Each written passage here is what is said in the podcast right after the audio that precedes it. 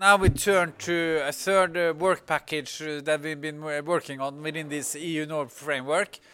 I would say a non, not a trivial one. It's about energy policy, very important for Norwegian welfare and economy. And while we have been right or working on this project during the last three years, we've seen very significant changes in global energy markets. Also, the developments towards a European Energy Union and we are very happy to have an excellent panel, and this will be chaired by Jakub Godzimirski. So I give the floor to Jakub. Uh, first of all, I would like uh, to uh, thank you all for coming and um, taking part in this, um, uh, we hope, very much important uh, uh, event. this is a conclusion of work that has been going on for the last two years, and as Ulf has already mentioned, during those last uh, two years we have experienced and seen a lot of changes in um, uh, the surroundings and uh, in the energy field. And um, uh, what is important for you to understand uh, uh, here? The introduction to this work package, the kind of general introduction was given by Pernille. You have this picture in the background. I will give you some more information about the content of the work package and what we have been um, thinking and producing. the package was uh, to address uh, a specific set of questions that uh, relate to Norway's uh, role as an energy supplier to Europe. The the parting point for this whole project was the idea of uh, looking at how small states relate to supranational bodies. In terms of energy, we have a, a paradox, paradoxical situation because Norway is a, a small country in um, geographic and uh, demographic terms, but uh, great power in energy terms. So this uh, energy dimension was important for us to take a look at because this is something that gives uh, Norway uh, what could be termed as a kind of structural power vis-à-vis -vis Europe. Norway is uh, an important uh, supplier of energy to the European Union, supplying uh, approximately one third of uh, the gas that the European Union has to import and uh, uh, between 10 and 15 percent of oil. So this makes Norway an important partner for the European Union when looking at this uh, uh, energy relationship, we decided to look at uh, six aspects. We decided to look at the impact of EU regulation on export of fossil and non-fossil fuels with a certain focus on Norway. We decided to look at the development of EU's internal energy market and energy infrastructure as two factors that uh, play a major part in um, uh, shaping uh, this energy relationship between Norway and Europe. We decided also to look at what kind of channels of influence a country that is not a full-fledged member of the European Union can have in order to influence uh, uh, EU's uh, energy policy. We decided also to take a look at Norway in the broader uh, uh, context because Norway is not the sole uh, external supplier of, of, energy to Europe, so it was important for us to look at uh, who were the uh, key energy customers of Norway and uh, who were the main rivals on the European energy market and how Norway could position itself on this very important global energy market. Then we also decided to look at the two sides of the uh, of this relationship. To start with, at the role of European energy market in Norwegian energy strategy. Norway is a huge producer of um, energy and has to export this energy because uh, the demand on the domestic market is uh, fairly limited. So it was important for us to understand what is the kind of set of ideas that shape Norway's thinking about this energy relationship with uh, Europe from the Norwegian side. And then we also decided to take a look at the EU strategic energy vision and uh, what this energy vision, long-term energy vision could tell about uh, the future importance of Norway and other uh, exporters of uh, fossil and non-fossil fuels to the European uh, market.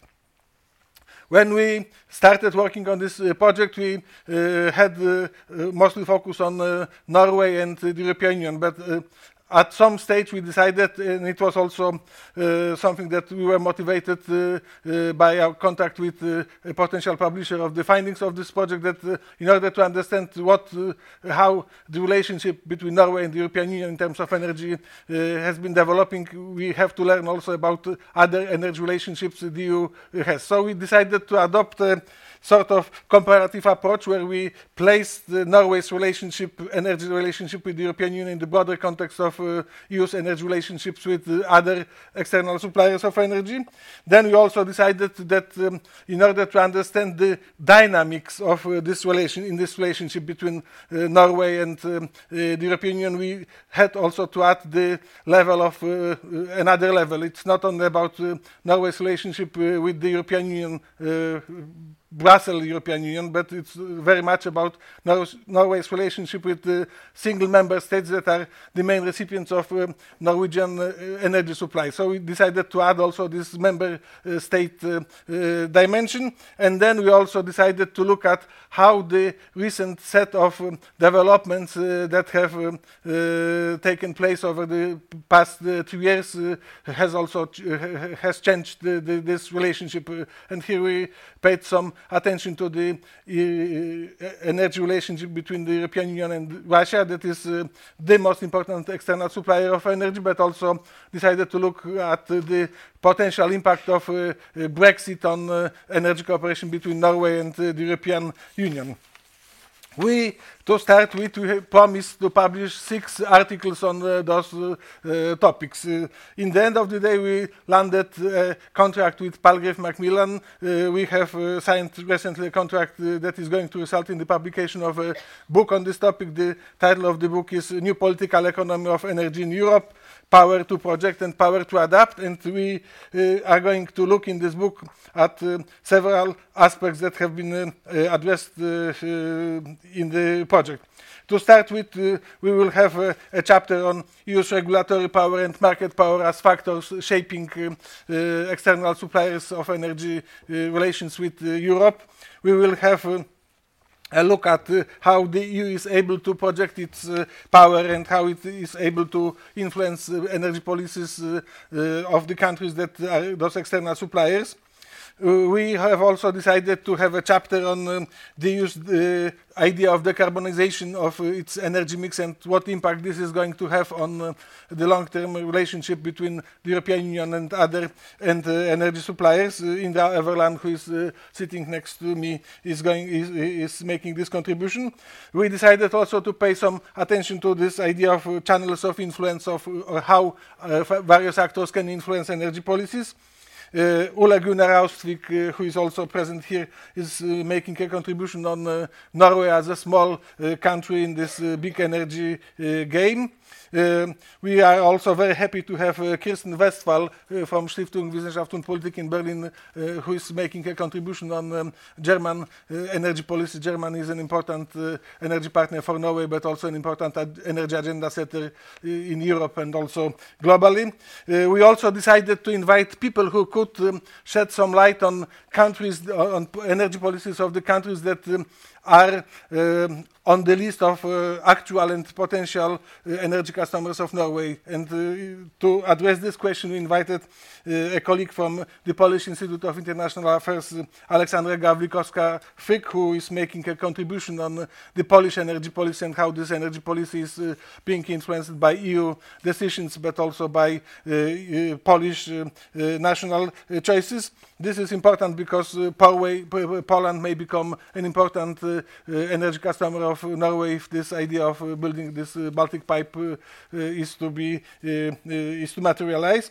And in, uh, finally, we also decided to invite uh, uh, two colleagues uh, from the Baltic uh, countries to give uh, their understanding of um, the impact of EU energy policy on those countries and on their relationship with the European Union. this is also partly motivated by the fact that Norway has become an important supplier of energy to this part of Europe when the LNG uh, terminal was built in Klaipeda in 2015. Norway became the main supplier of gas to Lithuania, also uh, facilitating access to this uh, uh to, this energy resource uh, to other Baltic uh, countries.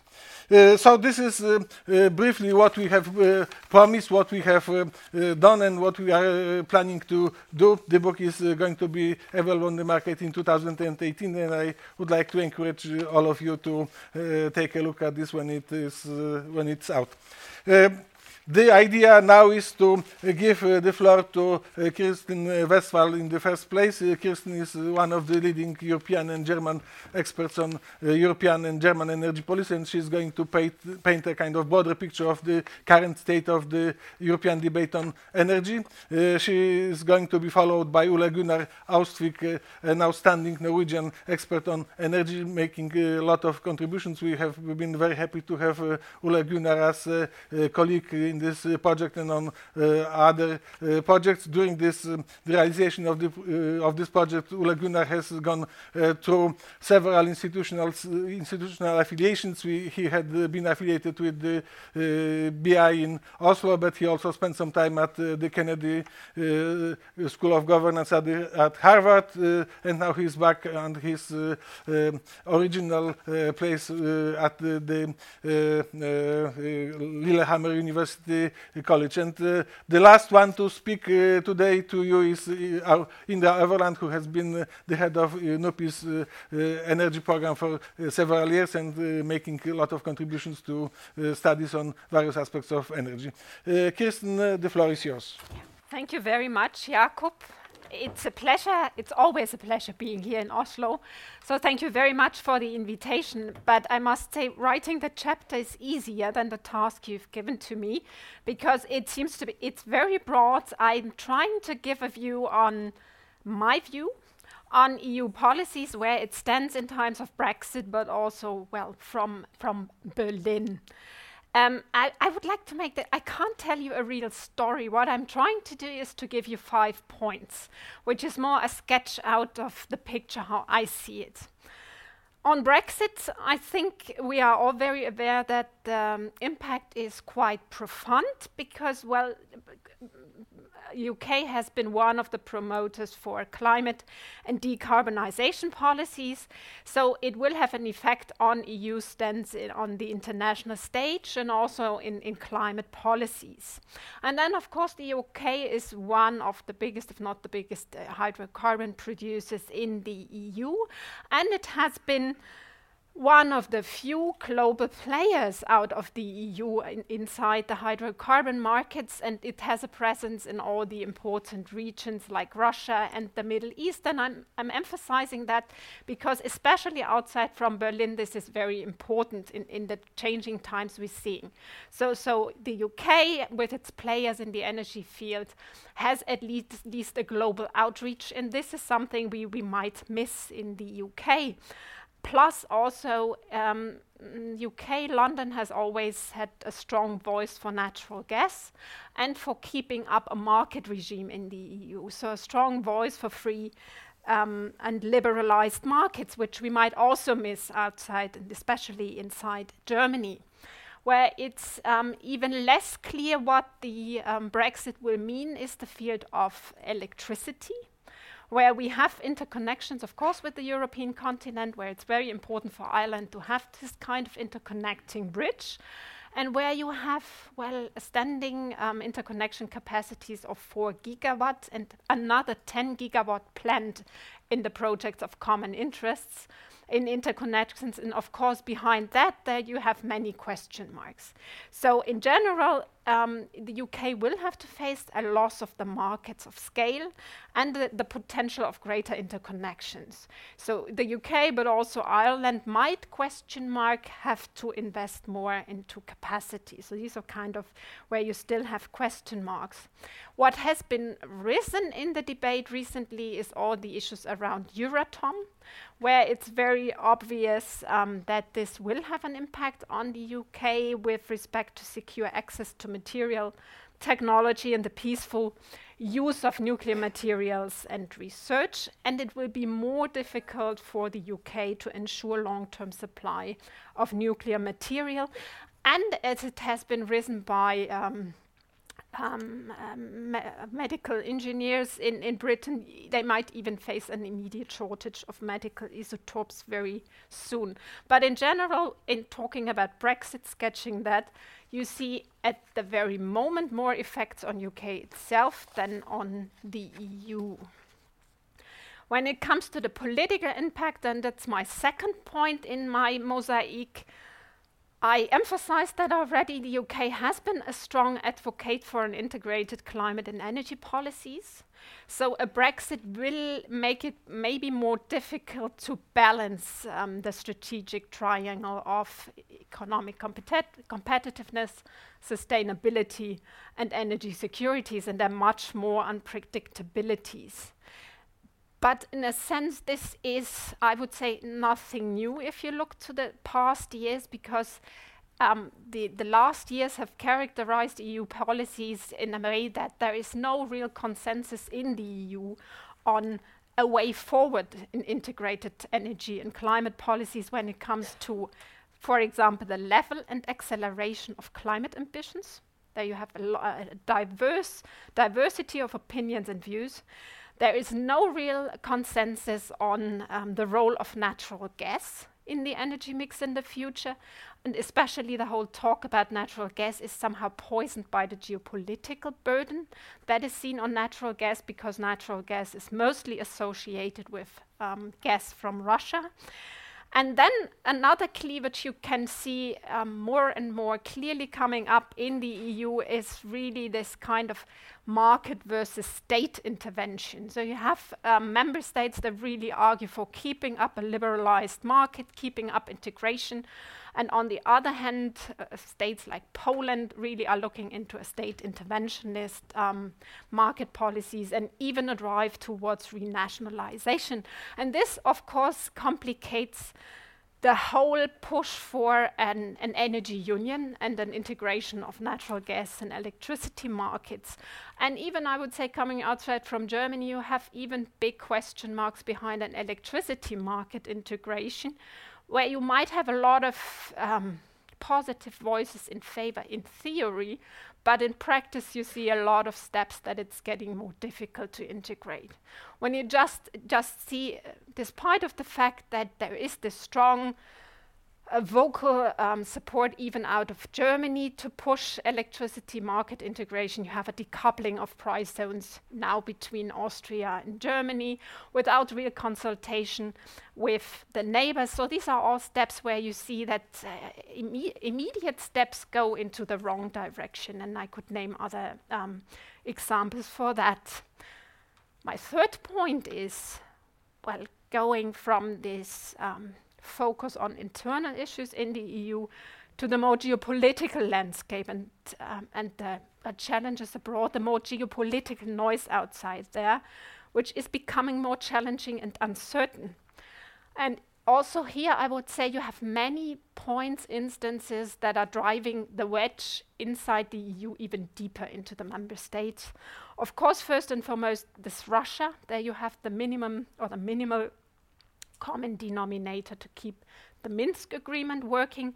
But as soon as you come to the energy issues, as soon as you come to natural gas, of course, it's the issue around Nord Stream 2 that is driving a deep wedge into the EU, where there's a big question about how should the whole pipeline operate, and some member states are even trying to block con, um, its construction. So there are many multiple attempts on many levels to question the operation. You had the legal opinions inside the commission and inside the, the council. Um, um, but a, a, very well dispersed or very um, fragile political will to really accommodate that uh, inside the energy union. And I don't see really parties coming up um, with attempts to accommodate this project within the energy union. The other factor, which is sometimes forgotten, but I think is uh, will even reinforce its impact, are the new U.S. sanctions. Um, which, to my point of view, have been a big shake up in the transatlantic relations because, um, you know, these um, the sanctions have been introduced without prior consultation just only in the process, then um, consultations have been done with the um, European allies. So, in a sense, this was really um, a rupture to the past where we had um, sanct sanctioning passed in cooperation, in dialogue, and in parallel. And this did not happen with the new sanctions because simply to, well, of course, they are domestically motivated in order to limit the room of maneuver of Trump. But my reading is that the collateral uh, damage on the transatlantic relations is quite huge and establish and it establishes a huge gray zone for European companies. And this, of course, would require a common stance of all European member states, but also here the division is very clear, and some even applaud. So, so U.S. policies. Um, are even also working as a, a, division into the member states. And then you could name also Turkey as a big challenge now coming up for the EU or even for the, the East Med. And this is where, where my point would be I don't see the EU really being fit in playing in a multipolar world because its, tool, its tools are still stemming from, let's, let me put it that way, from another area. They are still from this multilateral area of the 1990s. They are still very much relying on exporting its acquis communautaire into the neighborhood, plus adding some of, well, um, big dialogues, but there's, there's no real um, policies and no real uh, tools to um, position the EU inside the new um, landscape. Um, and also not vis-a-vis the growing economic, geo-economic challenges that I see first, the energy dominance, as pointed out by, by um, the US. The question about the diverging trajectories of the EU and the US, which of course poses a big challenge to, well, the energy governance as we know it inside the IEA. Is this, it's not going to be easier to find answers here. But also, the EU has to adapt towards shrinking, relatively shrinking market power plus also adopting itself vis-a-vis a growing heterogeneous energy world where I also see a lot of geo-economic challenges coming up also to well EU's economic competitiveness. Its idea, its fifth dimension of the energy union on technology, innovation, research and development. This is not yet clear how this should be filled with, with substance. And last but not least, of course, also China's challenge the mercantilist approaches the control over value chain, the One Belt, One Road initiative, which really um, yeah, extends to the European neighborhood, and where the EU still builds on well exporting the acquis communautaire. But this is, of course, um, an asymmetry becoming more visible. So, my fourth point is um, after painting a somewhat dark picture of an EU that keeps on working. Yeah, the EU will continue existing and, and, of course, be working, but still in a very inward looking conservative approach with an EU machinery producing the rules and regulations. And this is also what we see from my point of view in the energy union. It's not the big vision that Macron is looking for uh, which which it was or how it was spelled out, but it's more like going down in the regulations, like SOS regulation for natural gas, being adapted to a new situation. The clean energy market package, which of course a very important step towards um, a governance mechanism, but really not a breakthrough, but really step by step ad hoc. And the question is really, yeah, is this enough to meet the challenges out there? And finally, fifth point, um, my view from Berlin. But what should I say from Berlin? I mean, as you all know, coalition talks are going on, and there are exactly huge question marks also around the coming energy and climate policies out of Berlin because the coalition talks on the Jamaica coalition, well, the, the, the, the conservatives, the Greens, and the Liberal Democrats. Um, I think on last Thursday they talked about the first time about energy and climate, and they stopped the talks because it was very clear that they had very diverging opinions, mostly on the question of phasing out nuclear coal, when and how, in which pace, and around Nord Stream. So that seems to be be an issue, and um, so far it's really out from Berlin. It's very open to see how how this will go on. There are opinions that really say, well, there might be, we might see a failure, especially on energy and climate issues, but also on migration. But it, it, for me, it's very difficult to guess that for the very moment. And then I'm looking forward to the discussion. Thank you very much, uh, Kirsten. Uh, uh, you you painted a very interesting picture of uh, the current uh, stage of uh, development of EU's internal energy policy. I would like to ask uh, Ole Gunnar to give a kind of more market-related uh, look at uh, the energy situation. Ole Gunnar has a exciting background. He is both a political scientist but also economist, and he combines the two approaches in his analysis. So I look very much forward to your brief presentation. Ten minutes. Thank you. The broad topic is the future of energy market. That is uh, quite wide, but I thought as an economist that this sounds like a forecast. How to forecast the energy market, and it's, lot of, lot, it's done a lot of it. And these forecasts are uh, saying that uh, energy demand will increase like 20, 50% in the next 20 years. And it's a consensus around the forecast that this demand will come from Asia, South America, partly Africa, partly US, but not very much from the EU. Now, forecasts are always wrong. Consensus are definitely wrong. so, how can we actually get any information from all these forecasts made by economists all over the world? Well, actually, if you look at them, it is they're quite robust to say that demand will increase because if it should not, you will have a revolution technological in demand or a political upheaval in China or something like that to really to change the upward trend. But how much upward it will be, it, will, it is quite, uh, quite uh, difficult to say. So I would say the future of energy market is upward going to some extent, maybe a lot, maybe not so much. The second point is that the geopolitics of energy has been changing. In the period of the Western society, and EU is part of that, we have had a geopolitics of energy very much colored by the Middle East and all the conflicts around the Persian Arabian Gulf.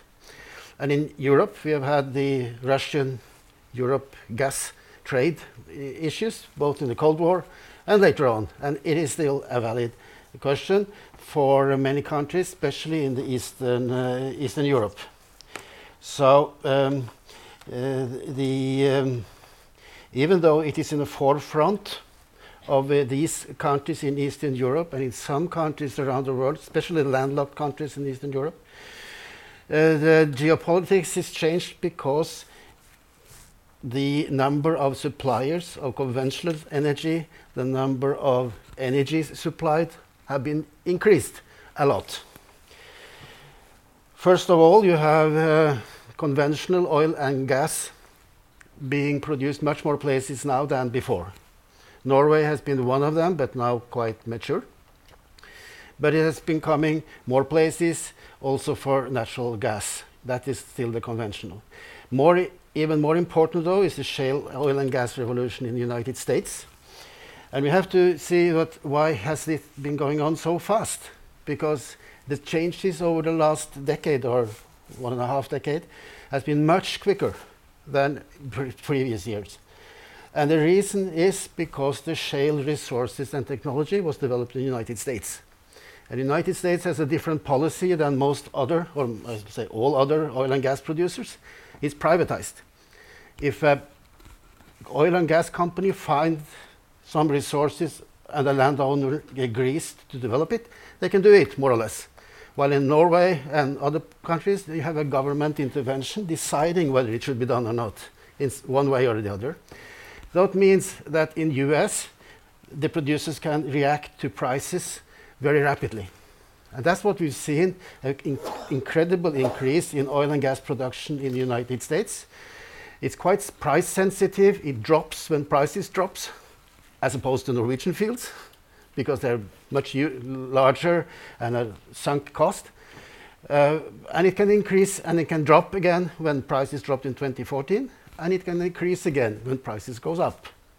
So the cost of unconventional resources in, in, in, uh, in the United States, and possibly it could spread around other places, to other places, has been a game changer and probably the main reason for our oil prices to drop in 2014. And as long as this flexibility exists, the prices of oil can uh, not exceed a certain level without giving a great push for American shale oil again. That is a different situation. And the geopolitics of uh, oil has changed from the Middle East to the question what happens in the United States. And it also have political overtones. What will the US do with the Middle East when they don't import any oil anymore, which is already the case. It's already the case. Um, and then the third part of it, the high oil prices uh, up to 2014 has been the environment best friend because that made not only shale oil and gas profitable, it made all kind of energies more profitable, and it was a great push to produce more renewables. Part of the picture, you can say that environmental policy has been expressed as, uh, or, or energy policy has been expressed as environmental policy in terms that you have to reduce the dependence of risky fuels.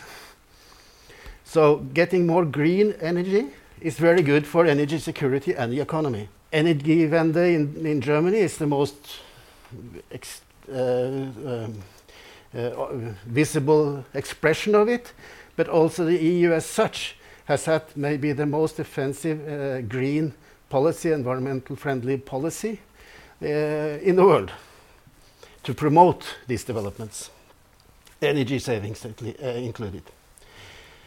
The third element changing things is transportation.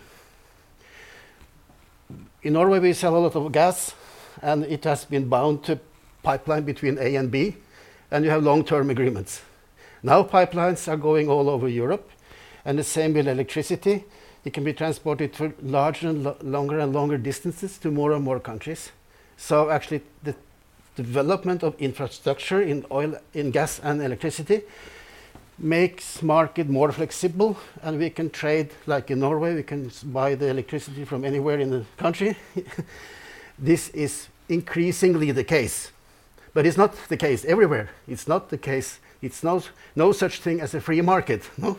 Like Adam Smith said 200 more years ago it is uh, impediments it's, it's, it's different statuses but this is a development and it has taken place over the last decade or two in particular. The other uh, transportation issue is the LNG developments, which was actually starting in Asia in 1970s, but has now been a common way to buy and sell um, natural gas, meaning that you can produce gas in one part of the world and use it in another part of the world, as you can with oil.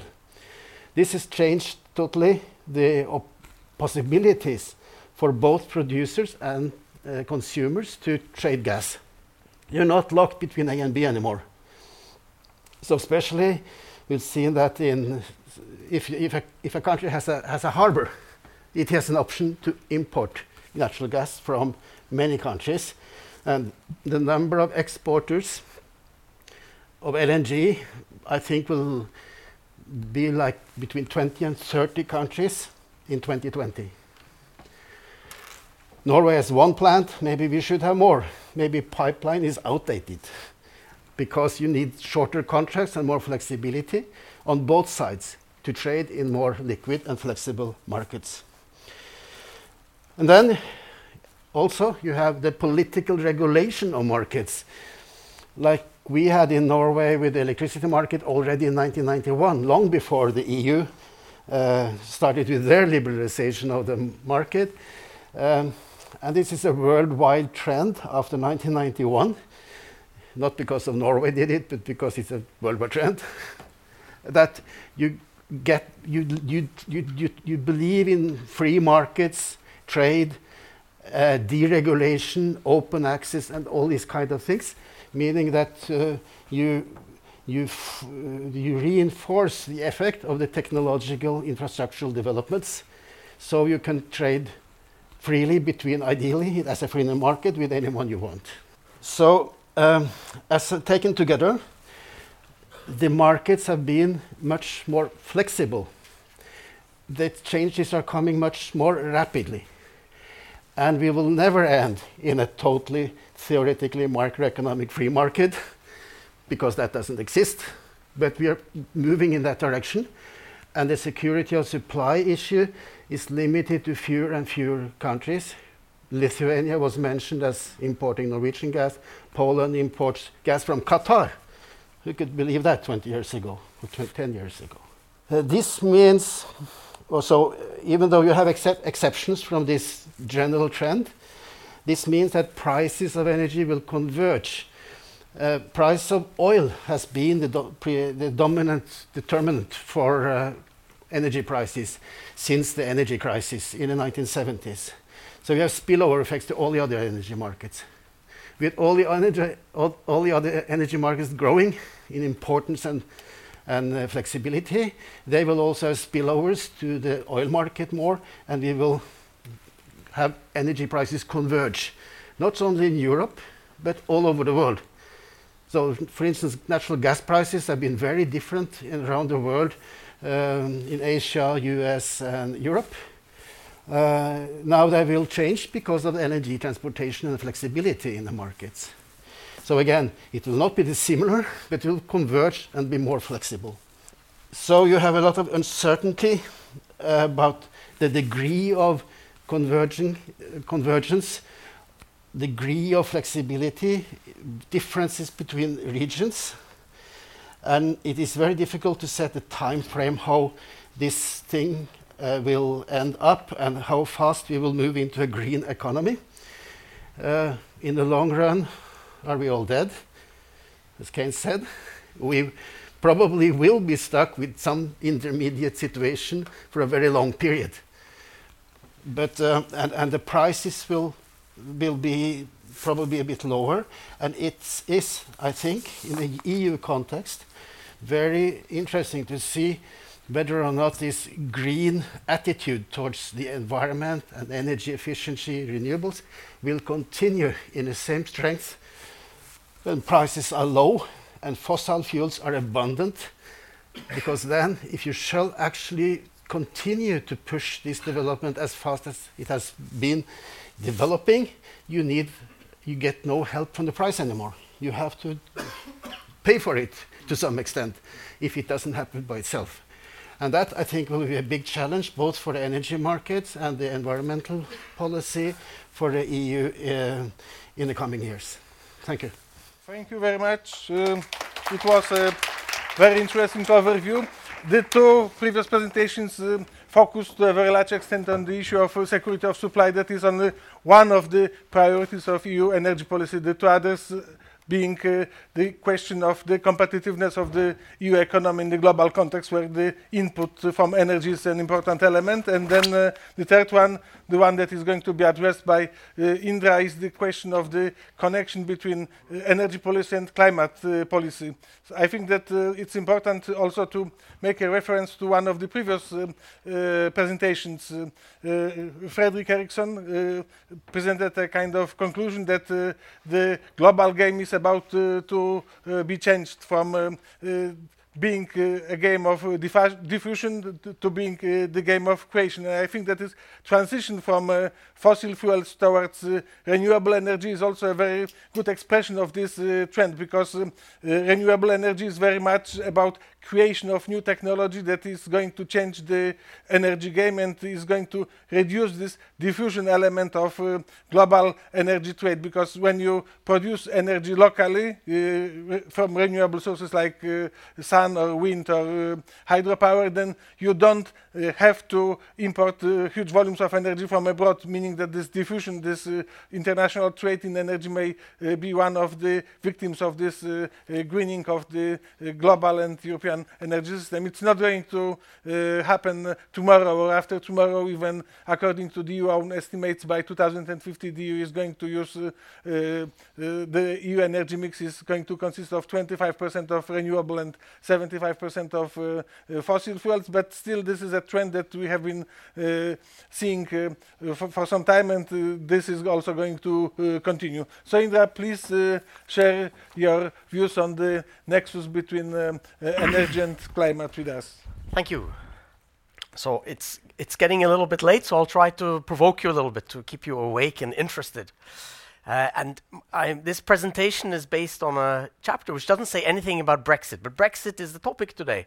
So I thought I would try to say something about Brexit at the end of the presentation, which I hope will give me some leverage over Jakub. So when he tries to cut me off after two hours, I'll say, Well, you want Brexit or not? so, anyway, so a little bit about the end. My starting point is, is uh, much more optimistic than Kirsten's, I think. So I start from uh, a scenario where uh, climate policy is real and pi- climate policy has consequences for the energy demand mix in the EU.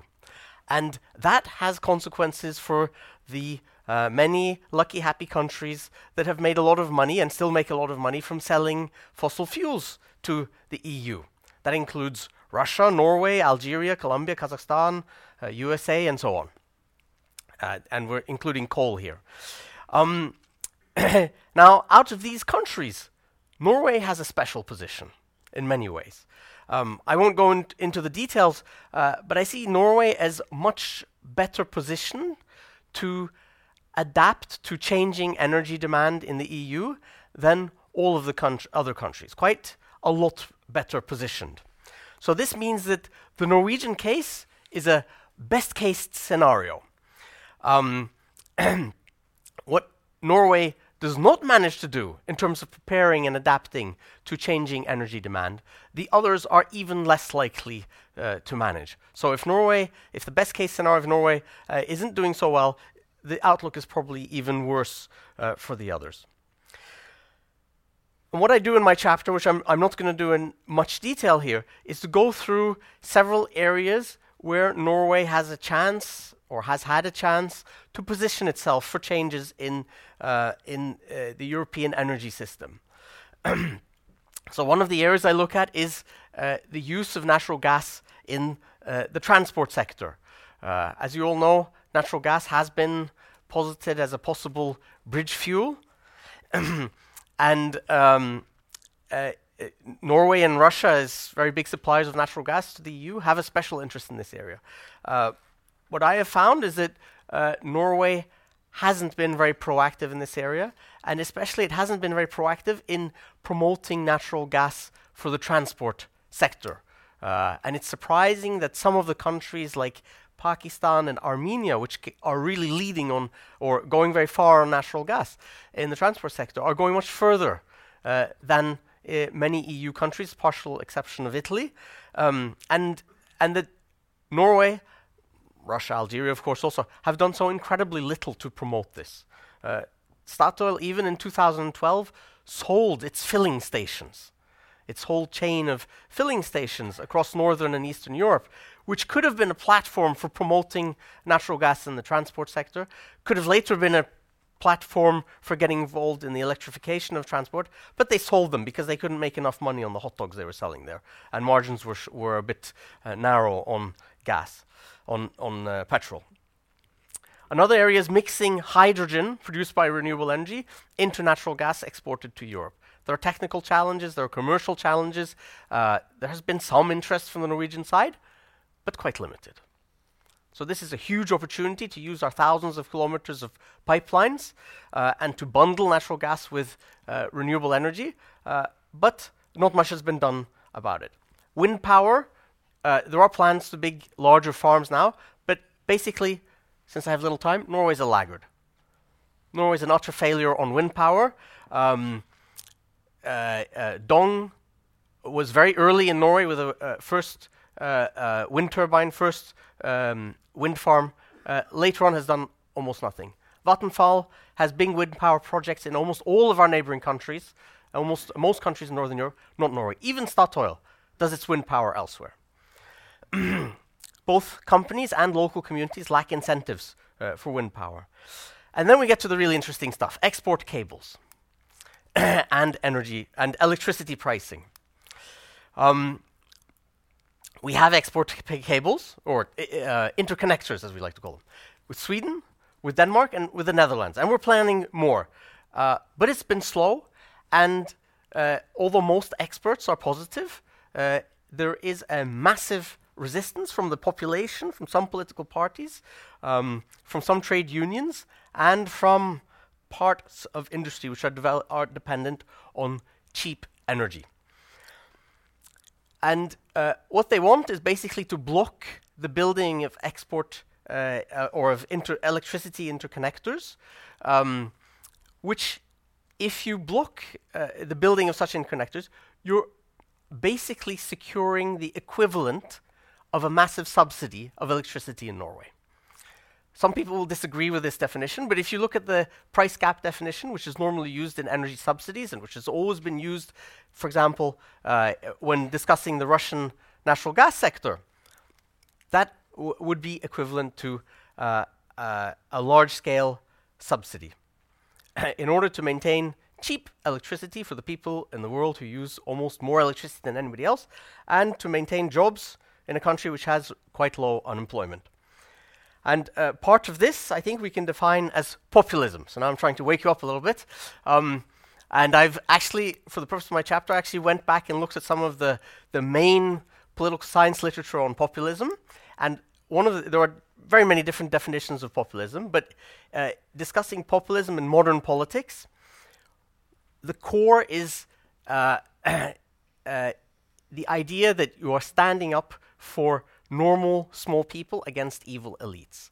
And that is also very central to much of the discussion about uh, interconnectors and about electricity pricing in Norway.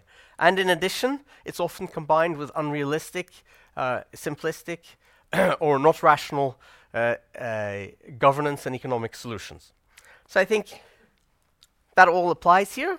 So we have a populist attempt to secure energy, the equivalent of energy subsidies uh, for Norway. Um, hope that woke you up. now, Brexit.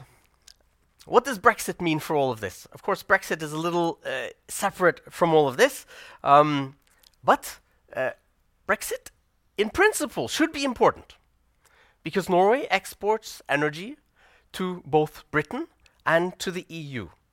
So, in principle, uh, one could worry that one has one foot on each, uh, let's not call it continent, on each landmass, and that as the British landmass kind of floats away, uh, we might get what we call in Norwegian a spagat.